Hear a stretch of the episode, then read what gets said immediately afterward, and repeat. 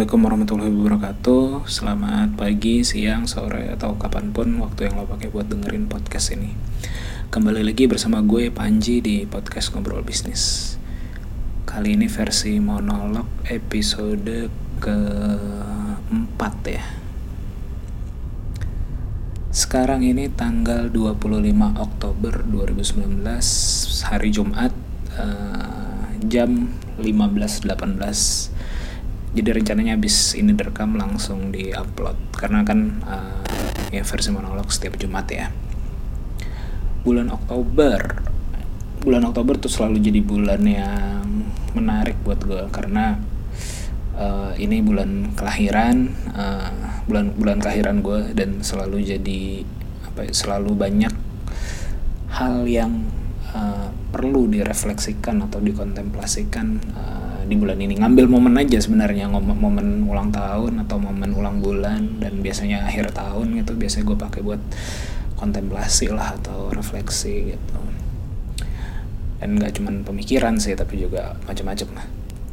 Uh, baru-baru ini uh, ngerefleksiin tentang kesehatan karena uh, udah mulai kerasa. Nggak tahu ini karena su apa uh, sugesti karena udah kerasa makin tua tapi tiba-tiba badan-badan nih mulai agak-agak nggak enak gitu lah. Sendi-sendi udah mulai ini nyeri tulang-tulang gemeretak dan segala macam.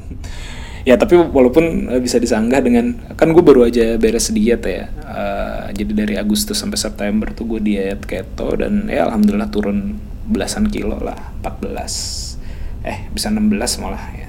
Cuman setelah nggak keto lagi bounce back jadi kira-kira gue sekitar turunnya total sekitar 11 kilo lah. 11 kilo di standarnya setelah naik lagi sedikit jadi 11 kilo turunnya. Ya alhamdulillah. Nah uh, karena diet ketonya berhenti uh, sedangkan uh, pengen tetap ngejaga badannya di segini atau juga uh, nggak nggak nggak lebih gemuk lagi lah atau kalau bisa turun turun lagi uh, ke kondisi yang lebih baik gitu. Uh, gue sama bini gue jadi mulai olahraga gitu ya. Tadinya kita nggak jarang banget lah olahraga mulai olahraga uh, hit ya high intensive training HIT gitu ya. Terus uh, angkat beban dan segala macem. Nah belakangan jadi mulai kerasa mungkin karena efek efek jarang olahraga terus di olahraga yang high insen apa high intensif gitu tulang-tulang jadi agak-agak sakit gitu lutut apa segala macam kropos gitu mikirnya tapi nggak tahu juga apa karena sugesti karena tadi kayak udah udah kerasa tua. Tapi ya karena itu gue mau bini gue jadi memutuskan untuk kayaknya kita perlu minum susu unland deh. Susu nambah kalsium atau ya sejenisnya lah ya. Akhirnya beli gitu. Nah gue sebenarnya lupa kalau punya masalah sama susu gitu jadi dan ini juga sebenarnya gue baru sadar beberapa waktu yang lalu ya mungkin setahunan terakhir lah ya gue setahunan terakhir uh, dulu tuh gue gue tuh senang minum kopi gitu pagi atau uh, malam kapan pun lah waktunya itu senang gitu. Nah cuman ada momen bahwa kerasa bahwa kopi itu nggak enak di perut gue gitu. Jadi uh, bikin mules bikin asam lambung naik dan segala macam gitu. Sampai suatu ketika gue minum kopi yang benar-benar kopi doang gitu nggak pakai susu. Biasanya kan campur susu kopi susu atau misalnya uh, macem-macem yang ada lah cappuccino apa segala macam itu kan pakai susu gitu. Sampai suatu ketika gue minum kopi ber, berkali-kali satu hari itu tapi nggak sakit perut sama sekali. Ternyata kopi hitam. Jadi baru sadar bahwa oh jangan-jangan selama ini yang bikin sakit perut atau perut nggak enak tuh bukan kopinya tapi susunya gitu kan. Nah akhirnya semenjak saat itu ketika ngomong minum kopi nggak tahu lagi minum kopi susu lah atau kopi yang pakai campuran susu dan segala macamnya. Nah uh, long story short kemarin minum susu lagi dengan harapan untuk bisa tulangnya kuat gitu nggak keropos dan segala macam gitu minum susu kesehatan. Eh yang masalah perut aduh jadi jadi berhenti dulu deh. Baru satu hari baru satu kali minum susu gitu. Tiba-tiba perutnya sakit gitu. Uh, ya jadi nggak tahu deh dilemanya mana yang mau dikorbankan. Minum susunya dengan harapan tulangnya kuat gitu. Atau ya dikorbankan harus tetap se, se walau sakit perut kayak gitu. Yang dikorbankan perut apa tulang ini ya gak tau lah itu itu salah satu momen refleksi. Walaupun belum dicoba katanya sih kalau minumnya jangan pagi gitu. Kalau nggak minum pagi eh kalau minumnya di lain waktu selain pagi kayaknya nggak akan sakit perut. Walaupun belum coba ya karena belum recover dari mules-mulesnya dan sakit perut. Oke okay, anyway uh, di ngobrol bisnis kali ini gue pengen ngomongin uh, yang lagi rame di minggu ini yaitu uh, pelantikan menteri-menteri ya ya pertama-tama uh, gue mau ucapin selamat buat uh, para menteri dan wakil menteri juga udah diumumin hari ini yang terpilih di kabinet Jokowi Ma'ruf Jokowi Ma'ruf Amin tahun 2019 sampai 2024 ya. Selamat selamat, selamat bekerja, semoga bisa bekerja dengan baik dan tidak diresafel ya ya jangan sang ya karena masih bisa aja kan reshuffle di awal-awal dulu Jokowi malah baru berapa bulan awal udah ngereshuffle Menko di reshuffle gitu. Jadi jangan ngerasa aman. Bukan bukan bersama nih jangan ngerasa bisa bekerja seenaknya harus bekerja dengan baik gitu. Karena kan uh, menteri itu membantu presiden ya. Jadi mudah-mudahan bisa membantu presiden dengan baik lah. Gitu. Walaupun sebenarnya gue gue sempat berpikir dulu aturan ketika lagi pencapresan mungkin salah satu landasan atau apa ya uh, uh, ajakan apa sih namanya ya daya tarik uh, ya, daya tarik dari presiden itu adalah dengan menampilkan susunan kabinetnya harusnya. Jadi waktu itu misalnya Jokowi mau nyalon jadi presiden, kalau gue kepilih ini adalah orang-orang yang akan jadi menteri. Prabowo juga demikian. Mungkin akan lebih lebih seru ya lebih apa ya lebih menarik lah jadi gue nggak berharapnya hanya Jokowi aja nih tapi bisa jadi gue berharap wah karena menterinya nih si ini gitu ya tapi kayaknya tuh nggak mungkin terjadi sih karena kan uh, politik ya. Menteri milih menteri kan karena berdasarkan kebutuhan partai dan mengakomodir kebutuhan partai dan ya politik politikan lah. Nggak ngerti juga sih gue ya uh, salah satu yang mencuri perhatian di kabinet uh, sebagai salah seorang menteri baru adalah Nadiem Makarim. Salah satu yang mencuri perhatian gue saat ini di kabinetnya Jokowi 2019-2024 adalah Nadiem Makarim ya. Pertama ya tentu saja karena dia CEO Gojek gitu. Selain itu umurnya juga baru 34 atau 35 gitu ya. 35 kalau nggak salah jadi menteri paling muda kan uh, dan yang paling yang dan yang lebih membuat menarik lagi sebenarnya dan juga mungkin rame di sosial media adalah uh, rame dengan meme ya tentu saja dan juga rame uh, rame uniknya karena uh, ya selain karena tadi ya di CEO Gojek dan lain-lain karena ternyata dia dipilih jadi menteri pendidikan dan kebudayaan gitu Mendikbud Mendikbud gitu. Uh, yang mana bagi beberapa orang jadi agak aneh sih termasuk gue juga gitu sih pada awalnya gue juga uh, ya nggak tahu lah pasti ada alasannya gitu cuman ngerasa oh kok mendikbud sih asa nggak nyambung dan segala macam gitu ya dan juga apalagi setelah gue cek ternyata notabene uh, Mendikbud ini bukan sekedar dikdas ya pendidikan dasar tapi juga digabung lagi dengan dikti.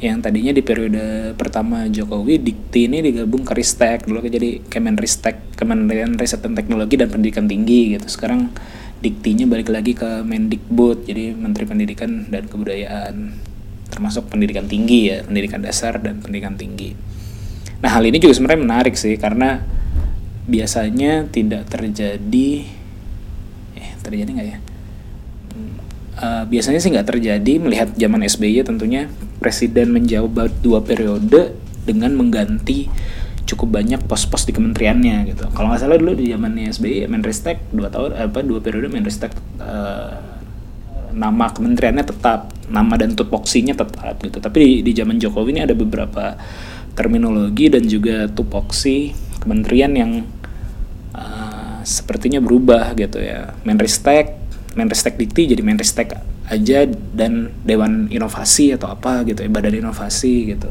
Backcraft juga tadinya uh, sendiri Badan Ekonomi Kreatif sekarang jadi Kementerian Pariwisata dan Kreatif gitu. Uh, eh, BKPM juga agak-agak berubah kalau nggak salah.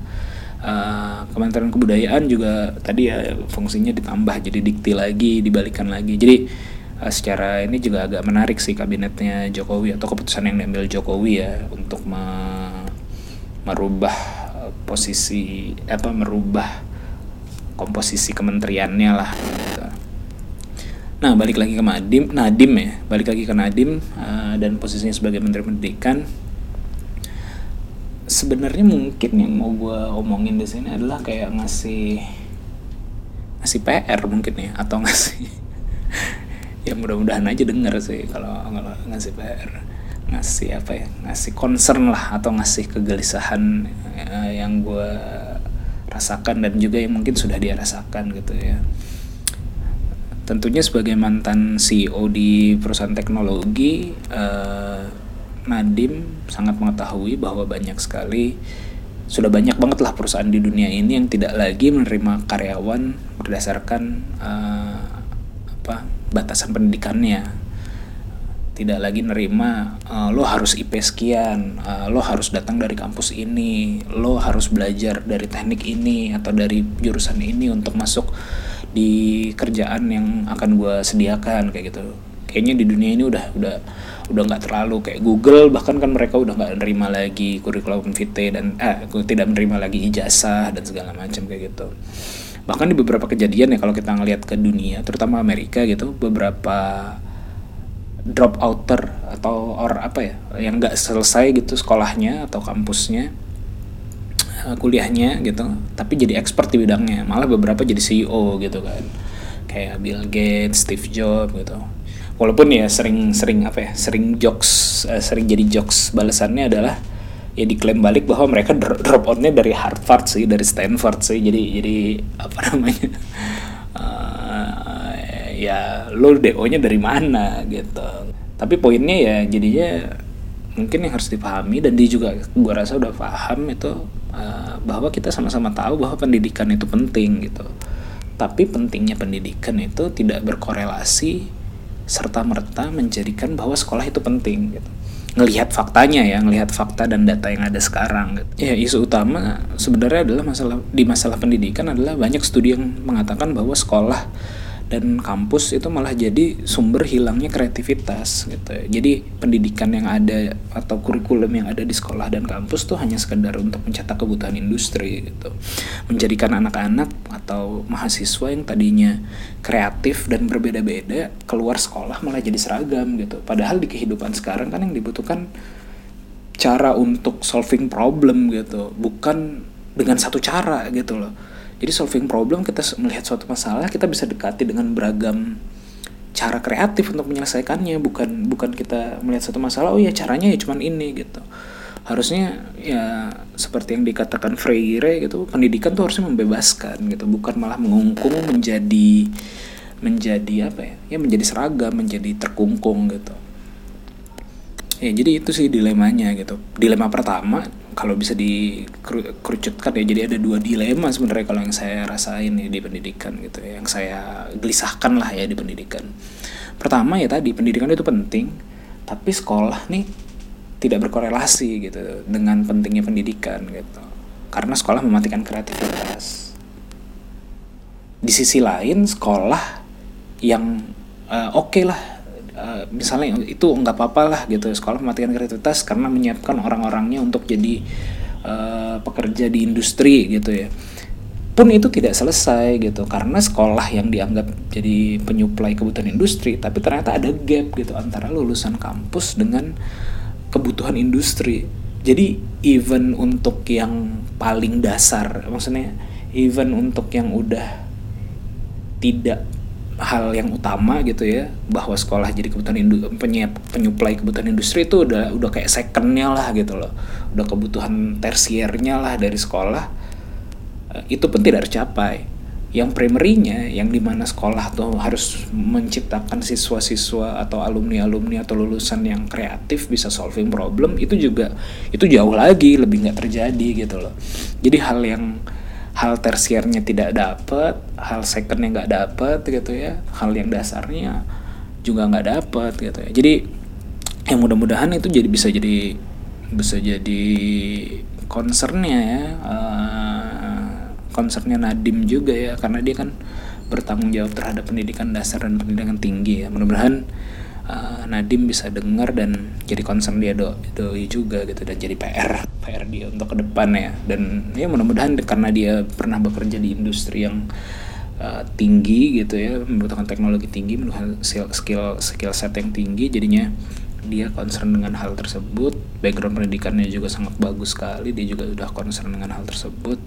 Apalagi dia mewakili anak muda yang punya kegelisahan yang yang kurang lebih uh, sama lah harusnya terhadap terhadap di bidang pendidikan gitu. Itu sih. Dan PR-nya juga ya gue nggak tahu akan ada waktu apa enggak tapi kan dia sering bikin podcast juga tuh podcastnya di Gojek ya. Nggak tahu lanjut nggak tuh podcast? Ya mudah-mudahan tetap lanjut lah ya uh, kalau bisa jangan berhenti lah karena gue juga suka dengerin. Nah balik lagi tentang menteri secara umum sebenarnya selain Nadim juga banyak beberapa yang menyita perhatian gitu ya. Bagi beberapa orang bagi gue juga sebenarnya menyita perhatian karena uh, kayaknya ini rutin sih tahunan eh tiap tiap habis pemilu ya. Uh, bahwa ramai beberapa nama profesional dan pengusaha yang jadi menteri gitu ya. Uh, walau menurut menurut gue sih sebenarnya biasa aja ya dari tahun ke tahun uh, dari pemilu ke pemilu dari kabinet ke kabinet pasti selalu ada menteri dari pengusaha dari profesional gitu ya. Abu Rizal Bakri di zaman SBY, Hairul Tanjung di zaman SBY juga, sekarang ada Erick, Erick Thohir, terus juga beberapa yang lainnya gitu. Secara kapasitas sih uh, gue yakin lah sama sama mereka ini. Sama seperti politikus tulen gitu ya profesional dan pengusaha juga pasti punya kapasitas dan kapabilitas yang cukup lah untuk jadi menteri gitu malah dari beberapa dari mereka kan kalau berdasarkan kita ngelihat kayak uh, apa sih namanya tuh piramid itu loh piramid kebutuhan ya hierarchy of needs uh, Maslow pyramid ya piramidnya Maslow gitu. Uh, bahwa sebagian besar dari mereka sebagian besar dari si pengusaha dan profesional ini mungkin udah selesai dengan basic needs-nya juga dan sebagian besar udah udah udah selesai dengan psychological needs-nya gitu. Jadi uh, kalau di piramida Maslow kan tingkatan kebutuhan paling tinggi adalah self actualization ya. Atau ya apa give back to community lah give back to public lah. Mudah-mudahan sih uh, ya saya lihat sebagian besar dari mereka dan mudah-mudahan juga semuanya udah melampaui tadi yang basic needs-nya, psychological needs-nya, tinggal mereka bisa melakukan aktualisasi diri lah sehingga bisa bekerja dengan baik dan benar-benar berkarya aja sih bukan bukan nyari uang lagi atau atau apa namanya ya nyari eksistensi ya. Mudah-mudahan enggak sih ya benar-benar mau berkarya. Bahkan di beberapa negara uh, di negara lain gitu kapasitas pengusaha atau profesional ya terutama pengusaha ya eh, nggak uh, cuma jadi menteri bahkan jadi politisi yang sangat baik gitu kan. Di Amerika ya walaupun kita nggak tahu gimana ya sekarang ya saya, saya secara pribadi bah, karena banyak banyak apa negatifnya juga gitu. Donald Trump tuh jadi presiden gitu. Kalau di Amerika juga ada yang terkenal uh, Bloomberg uh, Bloomberg uh, Michael Bloomberg ya yang pendiri Bloomberg itu pernah jadi wali kota New York gitu. Jadi uh, sudah ada beberapa sampel. Di Indonesia juga udah banyak banget sih ya sebenarnya pengusaha dan uh, profesional yang jadi uh, menteri atau menjabat di jabatan publik gitu. Bisa sangat baik gitu. Bisa sangat baik mereka bekerja sebagai politisi juga gitu. Eh, di beberapa studi malah dikatakan pengusaha tuh punya kemampuan uh, yang baik ya uh, di yang akan kepake di publik gitu. Karena dia punya kemampuan untuk memahami urgensi uh, sehingga bisa mengambil tindakan dengan cepat gitu. Kalau ngeliat kan pengusaha tuh uh, cepat gitu dalam bereaksi. Jadi ngelihat ada problem apa dia coba solusikan gitu ada dengan cepat gitu. Eh, itu itu salah satu poin plus gitu. Karena biasa di lingkungan pebisnis di lingkungan uh, dia berusaha pasti sering mengambil keputusan cepat gitu memahami urgensinya seperti apa. Tidak tidak lambat lah dalam dalam mengambil keputusan. Itu poin plusnya. Juga kemampuan uh, know how-nya ini kayaknya sempat sempat aku bahas juga di bareng tentang psikologi ya sebenarnya. Tapi uh, pengusaha punya kemampuan atau punya know-how untuk memaksimalkan potensi karyawan atau orang-orang yang dipimpin. Jadi jadi mudah-mudahan bisa memimpin dengan baik lah. Uh, apalagi kayak Erick Thohir kan udah besar sekali perusahaannya gitu ya. Nadim juga gitu ya. Mudah-mudahan mudah-mudahan ada apa ya ada ada hal-hal yang baik yang bisa mereka bawa lah si para pengusaha ini ketika jadi menteri. Walaupun ya uh, walaupun ada bedanya gitu ya. Beda signifikannya kan kalau bisnis atau profesional. Tadinya bekerja itu orientasinya adalah bisnis ya atau orientasinya adalah keuntungan. Sedangkan ketika menjabat sebagai menteri atau pejabat publik uh, orientasinya harusnya layanan ya berapa banyak apa uh, eh, ROI-nya gitu atau matriksnya mungkin harus dirubah tuh mindset dan matriksnya harus dirubah. Tadinya ke keuntungan sekarang adalah berapa besar dampak yang bisa mereka uh, hasilkan kayak gitu ya. Ya mudah-mudahan aja sih. Ya tapi tentunya uh, gue juga memahami bahwa secara nature jabatan menteri kan jabatan politis ya. Um, tentu saja bekerja secara profesional seperti biasa itu kayaknya nggak cukup gitu. Pasti harus ada bumbu-bumbu politiknya lah. Uh, jadi ya tadi seperti saya bilang selama ini sebenarnya udah udah banyak gitu ya pengusaha atau profesional yang jadi menteri dari dulu-dulu gitu. Tapi ya nggak ada apa-apa juga sih. Jadi ya kalau gitu kalau jadi sebenarnya gue secara pribadi juga ya berharap berharap enggak juga sih. Berha ya terhadap Nadim atau menteri-menteri pengusaha atau profesional lainnya ya gue concern sama mereka ada harapan ya tapi ngelihat data nggak ada perubahan apa-apa yang biasanya dihasilkan sih. Jadi antara berharap dan tidak berharap lah. Gimana tuh? Kalau kalian gimana terhadap menteri-menteri yang sekarang nih nah tentang harapan ini ada dua sequence kejadian sih sebenarnya. Ada dua hal yang terpisah kejadian. Uh, saya sama istri saya beberapa waktu ini lagi ngikutin uh, drama Korea ya uh, yang masih running. Judulnya tuh Extraordinary You. Nggak tahu ada yang nonton nggak nih? Yang menarik dari ini adalah ya tadi ya tentang harapan juga sebenarnya premisnya nih sebenarnya premis film ini atau drama ini sebenarnya udah cukup banyak yang angkat gitu intinya adalah cerita tentang kehidupan karakter komik atau novel gitu ya karakter komiknya di dalam drama tersebut ada karakter komik atau novel yang sadar bahwa mereka adalah sekedar karakter komik dan novel gitu.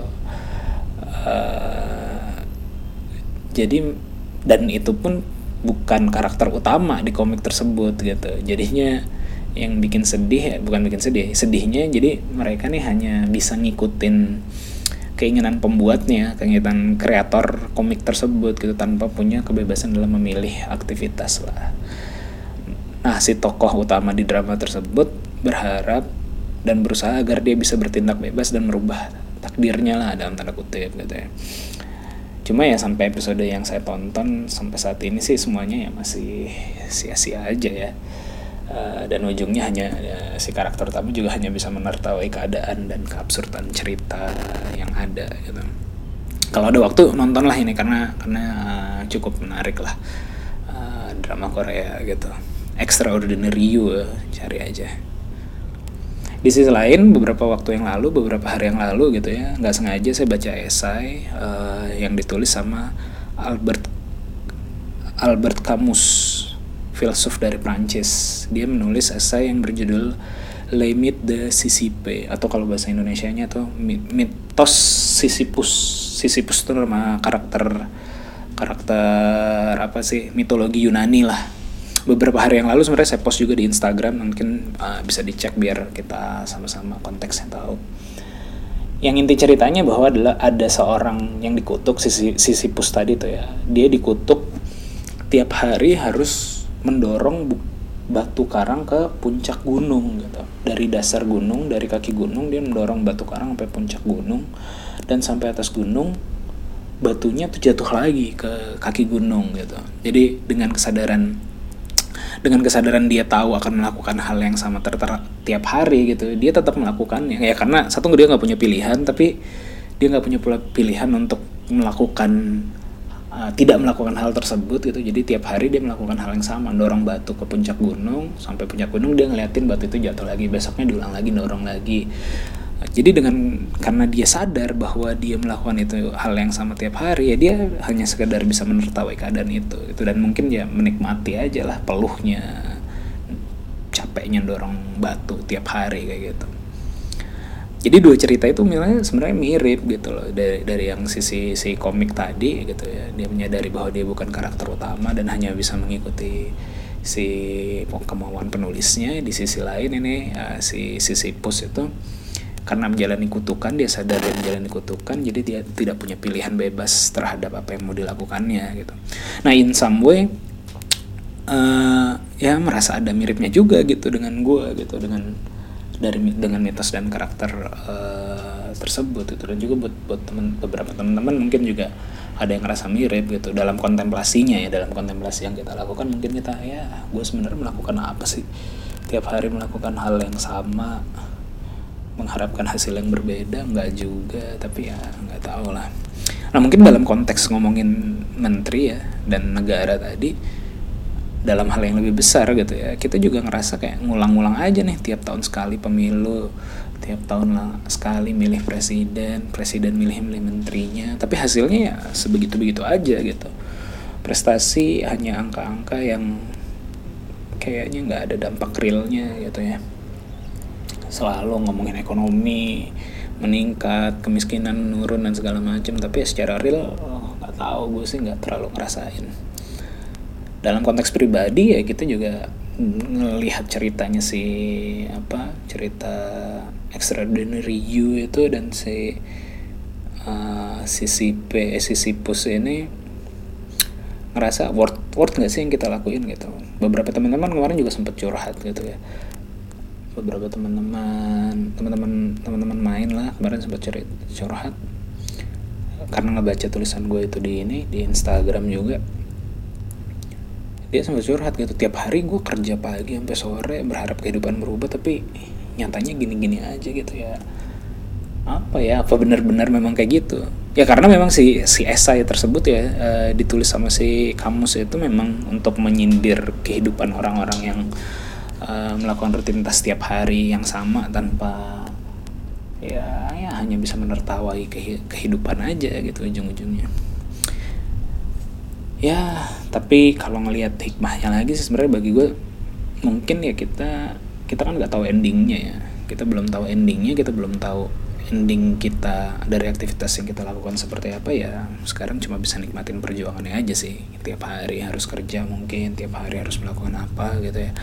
Uh, ya dinikmatin aja hasilnya ya cuma kita bisa pasrahkan dan berdoa tentu saja. Karena kan kita belum tahu endingnya akan seperti apa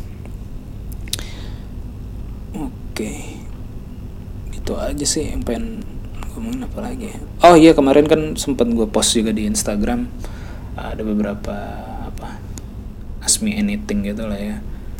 Uh, ada beberapa yang belum gue jawab. Uh, pertama ada yang nanyain podcast tuh menghasilkan apa enggak? Sebenarnya kalau dari sisi uh, platformnya itu bisa sih dari gua kan pakai anchor. Dari pakai anchor tuh sebenarnya dia sudah menyiapkan sponsor-sponsor teks eh sponsor-sponsor yang bisa kita bacain dalam ini ya dalam apa sih nah dalam podcast kita gitu. Sehingga uh, per berapa pendengar gitu kita dapat bayaran 15 dolar atau berapa gitu. Nah cuman saya sayangnya kayaknya itu masih berlaku di Amerika. Nanti mungkin gue tampilin screenshotnya screenshot podcast ininya. Uh, dia cuman bisa berlaku di Amerika di Indonesia belum.